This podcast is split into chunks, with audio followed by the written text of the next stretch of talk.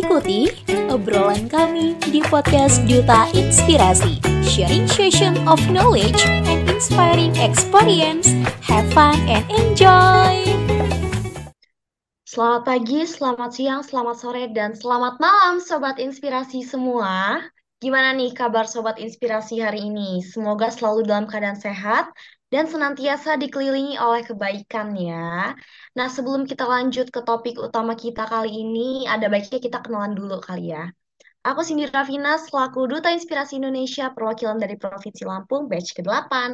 Di sini senang banget rasanya karena aku bisa menyapa sobat inspirasi di segmen Ponsel episode 1 kali ini dengan judul Finding Your Passion: A Journey of Self-Discovery and Personal Growth.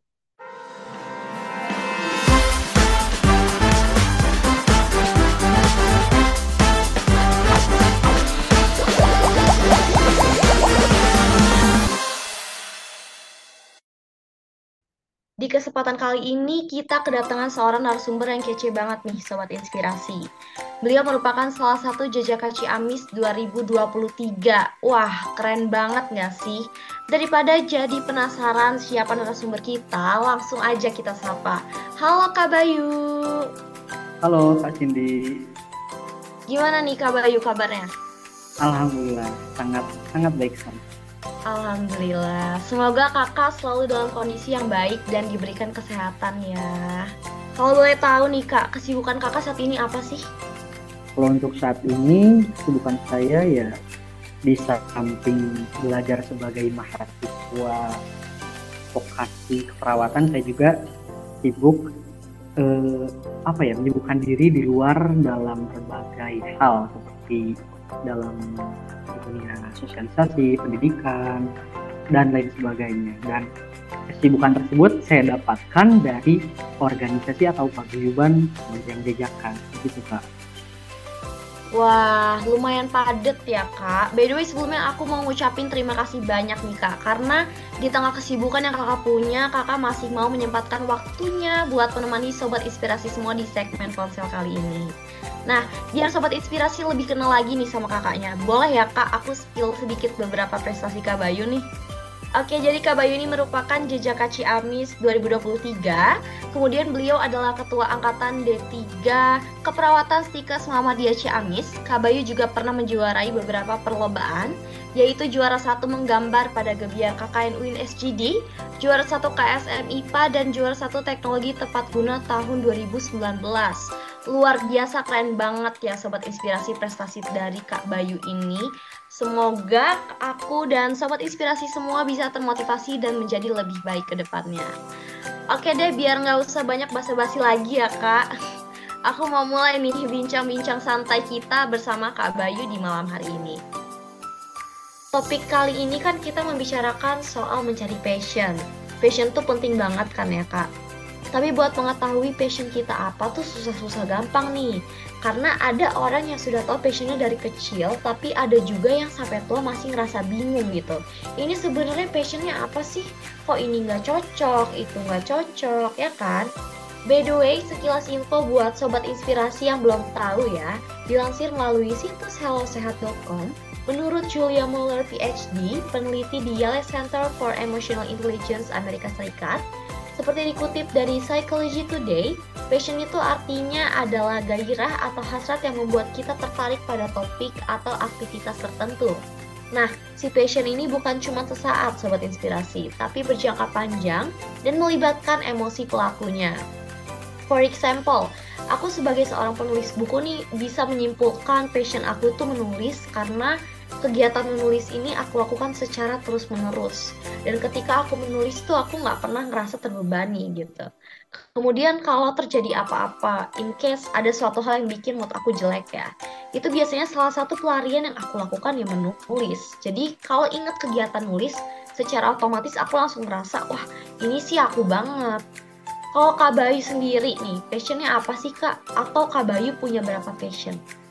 Aku sendiri ya kalau harus dibilangin selama ini juga masih dalam pencarian passion. Karena menurut aku untuk passion tuh bisa kita dapatkan sebanyak mungkin gitu kan. Sesuai dengan kemampuan dengan keinginan dengan minat bakat yang kita miliki. Namun sejauh ini passion yang saya merasa saya di posisi ini itu yang pertama mungkin karena memang saya latar belakangnya dari keluarga yang ya bisa dibilang memiliki suara yang lumayan lah ya gitu. Jadi eh, di balik itu saya memiliki ibaratkan hobi untuk memanfaatkan suara saya gitu.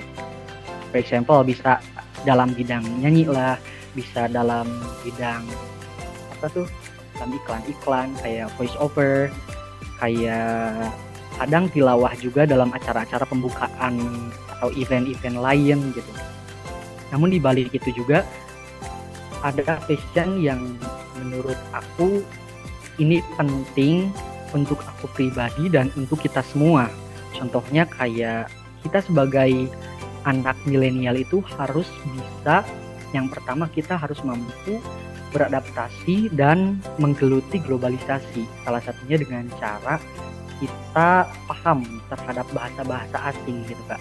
Jadi kalau memang kita udah punya kuncinya, maka kita dapat membuka pintunya tersebut. Nah, untuk membuka wawasan global, kita membutuhkan kunci ya. Salah satunya adalah bahasa. Dan yang kedua, kita membutuhkan juga pemahaman tentang teknologi gitu karena memang kedua hal ini merupakan hal yang memang sangat diperlukan untuk bertahan di era globalisasi ini. Wah, keren banget ya ternyata passionnya dan unik juga gitu. Selain unik kan yang passion kakak tentang penguasaan bahasa tadi itu sangat-sangat bermanfaat ya buat orang-orang di sekitarnya. Nah ini ada satu hal lagi nih yang nggak boleh dilupain sama sobat inspirasi. Passion ini selain bermanfaat untuk orang lain, yang pastinya harus banget bermanfaat juga buat diri kita sendiri. Sesuai banget nih sama judul podcast kita kan, yaitu Finding Your Passion, A Journey of Self-Discovery and Personal Growth. Jadi pada intinya, mencari passion itu adalah sebuah sebuah perjalanan untuk diri kita bertumbuh. Ngomongin soal self discovery and personal growth ya. Kalau menurut Kak Bayu, apa sih makna dari dua hal tersebut, Kak?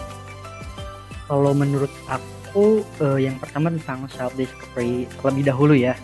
Ini menurut aku self discovery itu semacam kayak proses kita untuk mengenal diri sendiri dengan baik. Jadi seolah-olah kita bisa tahu kelebihan dan kekurangan kita itu apa gitu. Serta passion dalam hidup kita itu apa. Nah, Hal ini juga sangat-sangat sekali membantu kita untuk membuat keputusan yang lebih tepat dan hidup dengan lebih bahagia gitu. Karena kita, kalau kita tahu passion kita itu apa, maka secara tidak langsung kita juga telah membuat jalan-jalan atau jalur untuk mencapai goals-goals yang kita miliki gitu. Nah, sedangkan proses untuk mencari jati diri itu kan memang normal ya dan memang ini perlu dilalui oleh setiap uh, manusia. Nah, kita juga bisa melakukannya dengan self discovery ini gitu yaitu mencari tahu siapa kita sebenarnya gitu. Apa sih yang kita suka, apa sih yang membuat kita bahagia dan apa sih yang mau kita capai di masa depan gitu. Sedangkan selanjutnya menurut aku kalau self discovery itu yang pertama kita tidak boleh takut mencoba hal baru. Nah, ini adalah hal yang paling penting yang kita harus kita miliki itu jangan takut mencoba hal baru. Karena kenapa? Karena dengan kita mencoba berbagai hal yang baru, maka secara tidak langsung kita juga akan mendapatkan pengalaman, pertemanan, ilmu, relasi, dan lingkungan yang baru pula. Nah, dan sejatinya learn new things itu gak bakalan sia-sia. Seperti halnya kita memiliki tujuan, yang di mana pada akhirnya kita gagal, namun seketika kita berpikir jika kita melakukan semua ini tanpa feedback yang baik ya dalam konteks kegagalan. Namun sebenarnya tidak seperti itu. Hal yang terjadi ketika kita gagal yaitu proses di mana kita telah berhasil melewati berbagai hal baru yang jika kita tidak mencoba hal ini maka kita tidak akan tahu. Nah, jadi memang mm, mencoba hal baru itu sangat penting untuk menggali potensi atau jati diri kita. Nah, saya juga pernah mendengar suatu penggalan atau kutipan kalimat yang berbunyi jangan takut salah, jangan takut gagal, jangan takut, jangan malu-malu karena besok orang akan lupa dan orang nggak akan peduli.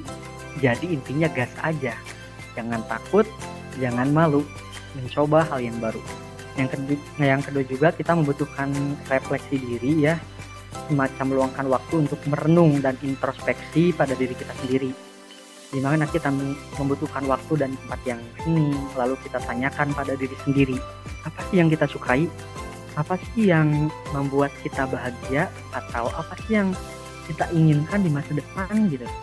Itu merupakan hal yang penting juga refleksi diri. Selanjutnya dalam mencari jati diri juga kita membutuhkan mentor. Ini sih menurut aku penting-penting. Bisa disebut penting bisa disebut enggak juga ya. Karena menemukan mentor itu susah-susah gampang gitu kalau menurut aku. Cuman jika kita memang jika memang kita tahu alurnya alur apa yang kita tuju pasti kita tahu nih orang mana yang bakalan kita dekati orang mana yang bakalan kita jadikan sebagai hmm, contoh untuk mencapai keinginan kita. Tentang mentor mungkin ini bisa berupa guru teman atau senior atau mungkin orang-orang yang sudah sukses dalam bidang yang kita minati gitu yang kita juga bisa meminta saran kepada mereka dan minta pengal berbagi pengalaman dari mereka untuk membantu kita dalam mencari jati diri kita. Gitu. Selanjutnya kita juga harus peka terhadap diri sendiri. Nah kadang kita di zaman ini tuh sudah zamannya apa ya istilahnya overthinking gitu kak ya sehingga kita tuh kadang selalu membebani diri sendiri tanpa kita merasa peka terhadap diri sendiri harusnya kita selalu mencoba memperhatikan uh, perasaan dan emosi kita tuh bagaimana gitu. Apa yang membuat kita happy, sedih, marah atau stres? Karena dari situ kita bisa tahu lebih banyak tentang diri kita dan kita bisa belajar mengontrol emosi kita seperti apa. Selanjutnya kita juga jangan terlalu fokus sama opini orang lain. Ini juga merupakan hal yang sangat penting sih menurut aku karena memang kadang kita menstop perjalanan perjuangan kita itu gara-gara mendengar opini orang lain.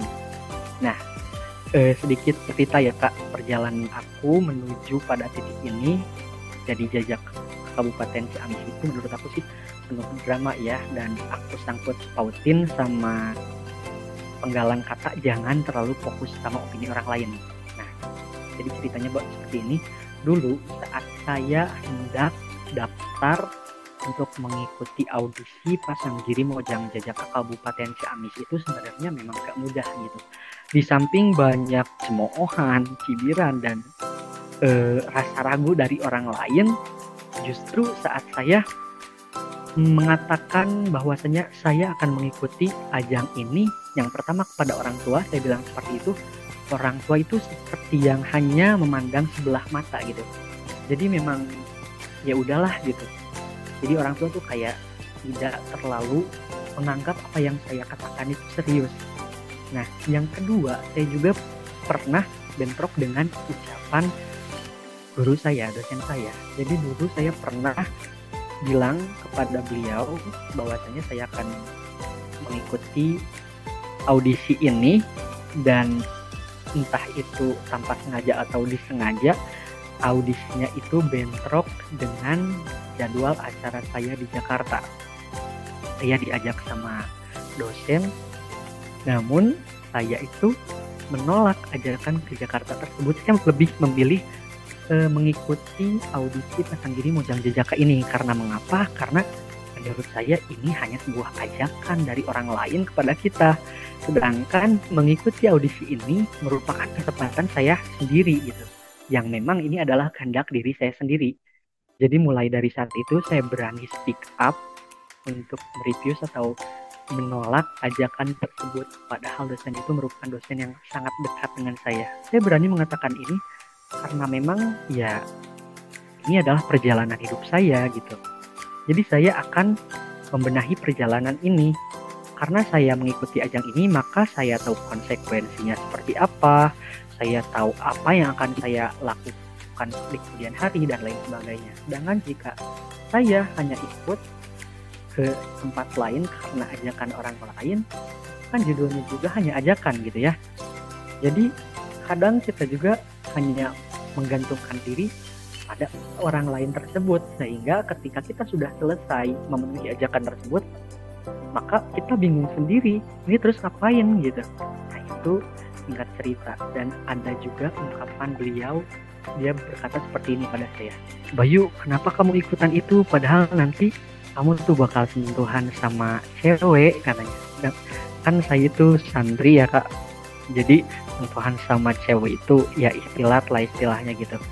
Namun saya berani menolak kata-kata tersebut. Ya saya saya serapi terlebih dahulu ya memang itu betul. Namun di samping itu saya juga dapat mengontrol diri saya gitu. Jadi saya memang memberanikan diri untuk menolak opini orang lain. Dari situ saya mendapatkan hasil pada titik ini.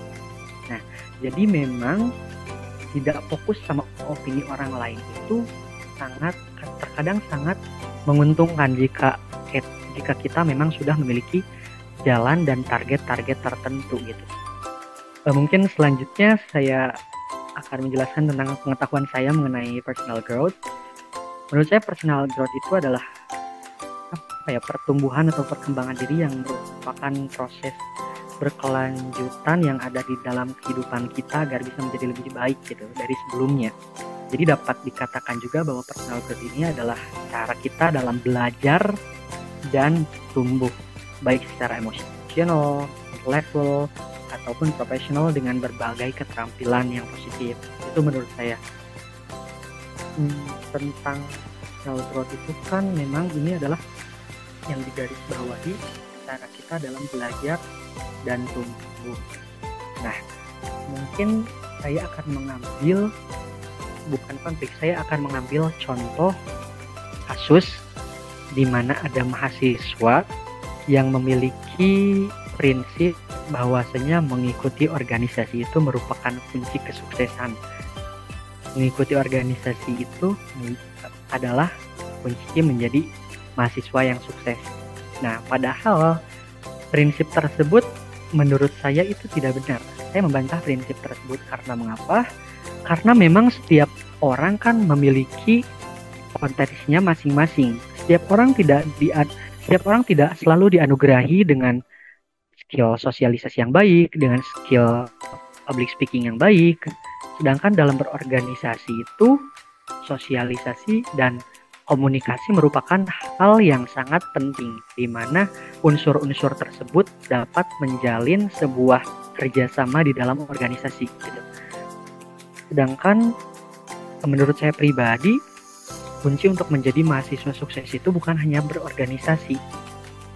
Karena ada juga mahasiswa yang memilih menjadi mahasiswa kupu-kupu, di mana dia memilih jalan tersebut karena dia tahu bahwasannya menjadi mahasiswa kupu-kupu itu tidak selalu buruk. Dia meninggalkan dunia organisasi, dia memilih jalannya sendiri. Dan apa yang terjadi setelah itu? Jadi memang orang tersebut tidak terlalu suka bersosialisasi dengan orang banyak, tapi dia lebih suka menyendiri.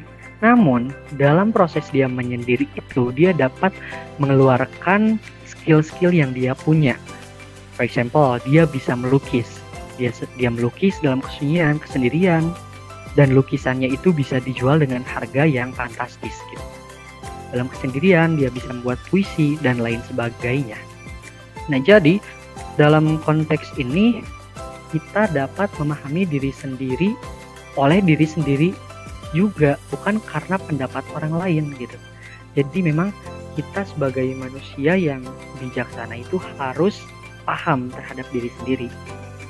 Nah, selanjutnya tentang personal growth itu mungkin ada beberapa cara yang dapat saya sampaikan ya. Mungkin ini bukan mengajari tapi ini hanya sebatas sharing tentang ilmu-ilmu yang pernah saya dapatkan. Jadi yang pertama kita harus terus belajar. Terus belajar. Belajar apa saja. Karena dengan belajar kita dapat membuka wawasan yang baru.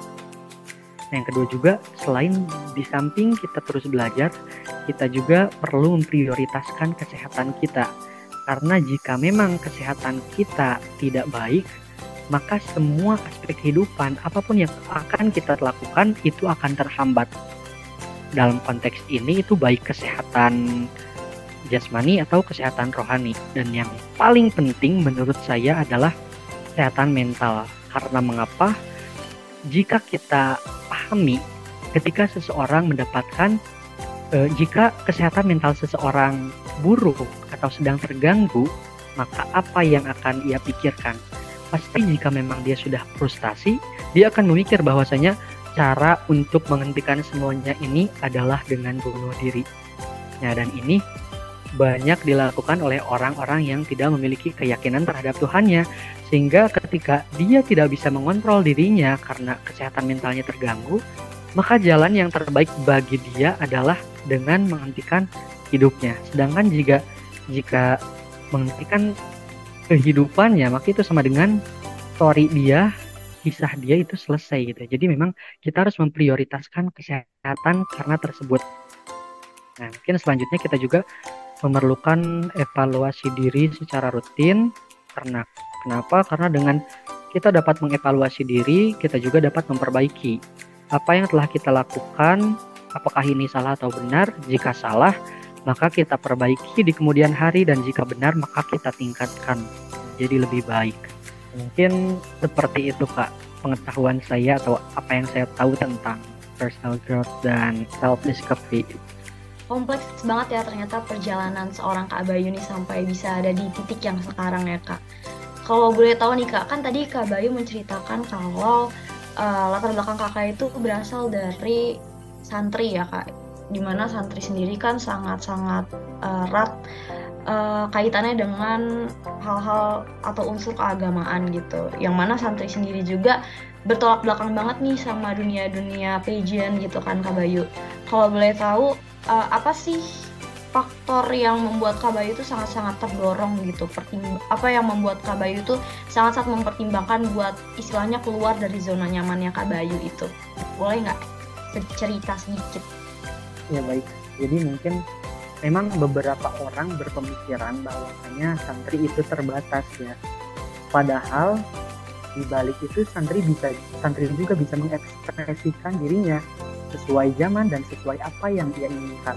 Nah, mengapa saya berani melakukan langkah ini? Karena saat saya mondok di pesantren, guru saya pernah berkata, santri itu bukan hanya menjadi ustadz, santri bukan hanya menjadi guru pengajian. Santri bukan hanya menjadi imam masjid. Kita harus buktikan bahwasanya santri juga bisa menjadi polisi, santri juga bisa menjadi dokter, santri juga bisa menjadi pilot. Dalam artian kita dapat menjadi apa pun, namun kita harus tetap menyimpan pada diri kita, pada hati kita bahwasanya kita adalah santri. Kita harus terapkan unsur-unsur keagamaan dalam diri kita bagaimanapun keadaannya. Dan kita bisa membenahi diri kita dan bisa mengontrol diri kita seperti apa tanpa harus mengatakan fanatik pada kata santri gitu kak.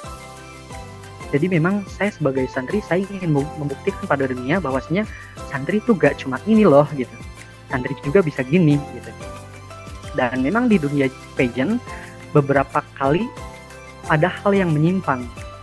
Namun di balik itu juga saya sebagai santri bisa uh, istilahnya berdakwah di dalam zona tersebut dalam dunia pageant tersebut. Sehingga di dalam sana saya juga bisa menyebarkan siar tentang apa yang saya dapatkan kepada orang yang memang ingin menerima apa yang saya katakan tanpa membeda-bedakan perbedaan gitu keren banget ya ternyata motivasi Kak Bayu tuh sejauh itu gitu ya berpikirnya. Uh, kalau menurut aku ya Kak, self discovery sendiri ini kan agak tricky ya. Karena kita nggak tahu nih Kak, batasan untuk diri kita sendiri tuh harus sampai mana kadang-kala. Kalau menurut Kak Bayu sendiri, cara membedakan self discovery dan membiarkan diri kita di satu hal yang salah tuh gimana sih Kak? Jadi menurut aku ini yang digaris bawahinya yaitu cara membedakan self discovery dan membiarkan diri sendiri di suatu hal yang salah ya kak. Jadi kan memang salah satu hal yang paling penting dalam memperbaiki diri adalah selalu memberi batasan dalam pergaulan. Contohnya kita bisa melihat jika kita berteman dengan lima teman contohnya. Kita lihat temanmu yang sering teman kita yang sering kita habiskan waktu waktu bersama mereka dan kita tanyakan pada diri kita sendiri. Apabila kita punya anak, apakah anak kita juga ingin seperti mereka? Nah, jika jawabannya tidak, berarti ada sebaiknya kita mencari teman yang baru dan circle yang baru pula. Namun, jika jawaban yang kita ajukan pada diri kita sendiri adalah ya, maka kita secara tidak langsung sudah berada pada circle pertemanan yang dekat, yang tepat.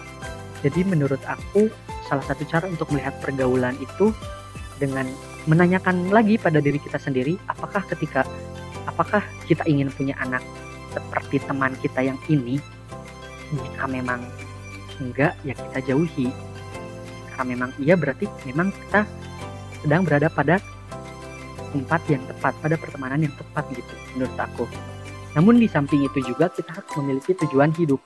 Kita harus memiliki tujuan hidup yang baik dan benar dan yang jelas di mana di samping ini akan berhubungan dengan pergaulan. Apakah dengan kita bergaul dengan orang-orang ini kita dapat mempermudah untuk menggapai goals-goals kita? Atau mungkin sebaliknya jika kita bergaul dengan mereka ini akan menghambat menghambat nih buat mencapai tujuan kita. Kita harus tahu jelas tentang hal itu. Di samping itu juga kita harus memiliki iman yang kuat kita harus tahu batasan dengan jelas yang di mana hal ini dapat kita dapatkan dengan ilmu. Jadi memang lagi-lagi ilmu itu sangat penting ya kak. Karena dengan hal tersebut itu dapat menjadi pedoman kita untuk hidup. Mungkin seperti itu kak. Oke, kalau Kak Bayu nih setelah kakak akhirnya berada di perjalanan self discovery yang benar gitu sampai akhirnya Kak Bayu mulai menemukan satu dua passionnya kakak gitu Uh, boleh tahu nggak sih kak perbedaan setelah dan sebelum Kak Bayu mengalami proses ini? Sangat-sangat saya rasakan ya kak, karena sebenarnya saya mendapatkan passion saya yang saat ini saya rasakan, saat ini saya punya, itu baru-baru kemarin pas SMA gitu. Karena memang awal-awal apa yang akan saya lakukan, apa yang akan saya inginkan itu tergantung orang tua saya dan ada suatu cerita. Ketika dulu saya sedang bermain bersama adik saya, adik saya masih balita, ya istilahnya ngasuh lah ya gitu. Dan ketika itu ada tetangga yang akan pergi ke lapangan poli, dia mau poli. Dan dia ngajak sama saya nyapa, baik ayo ke lapang kita poli.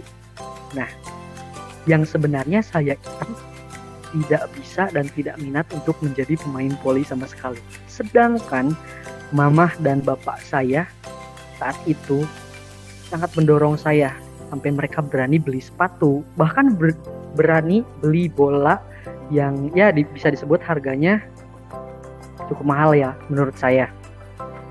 Yang di mana orang-orang sekitar juga yang memiliki kemampuan dalam hal tersebut tidak memiliki bola tersebut sedangkan saya yang tidak memiliki passion dalam hal tersebut punya gitu. Memang saat dulu saya merasa seperti tertekan lah, seperti apa ya? Jadi hidup itu kayak ya udahlah terserah sama aja gitu. Namun semakin ke sini saya semakin merasa bahwasanya ini suara saya juga perlu didengar nih gitu. Dan hal yang pertama saya lakukan adalah saya berani saya berani melangkah, saya berani mencoba. Di mana saya mengatakan hal sejujur-jujurnya kepada orang tua saya untuk memilih jalan yang memang saya inginkan dan ini sangat bersimpangan dengan apa yang orang tua saya inginkan. Dan sekarang saya telah berada pada posisi itu, di mana saya berani menolak hal yang membuat saya gak enak, membuat saya tertekan. Saya lebih memilih apa yang saya inginkan. Karena dengan melakukan apa yang kita kehendaki itu kita lebih enjoy, kita lebih nyaman, kita lebih bahagia termasuk dalam pergaulannya tersebut. Karena sering kali ketika saya dimasukkan dalam pergaulan yang di mana e, pergaulan tersebut bukan skill saya, ya contohnya yang tadi poli, maka di sana saya cuma diem, di sana saya cuma jadi batu, saya jarang ngobrol, saya jarang beraksi. Sedangkan ketika saya ditempatkan pada tempat yang memang membuat saya nyaman, membuat saya betah, membuat saya enjoy. Saya dapat mengekspresikan apa yang saya bisa, apa yang saya punya. Komunikasi saya juga bisa lebih meningkat bersama mereka. Kita bertukar cerita yang sebebas-bebasnya gitu. Jadi kayak gak kaku-kaku gitu. Jadi memang untuk melakukan hal yang ada dalam kehendak kita itu penting. Karena emang dengan cara tersebut kita dapat lebih tenang menjalani hidup lebih bahagia dan lebih mudah juga menggapai apa yang kita mau itu menurut saya.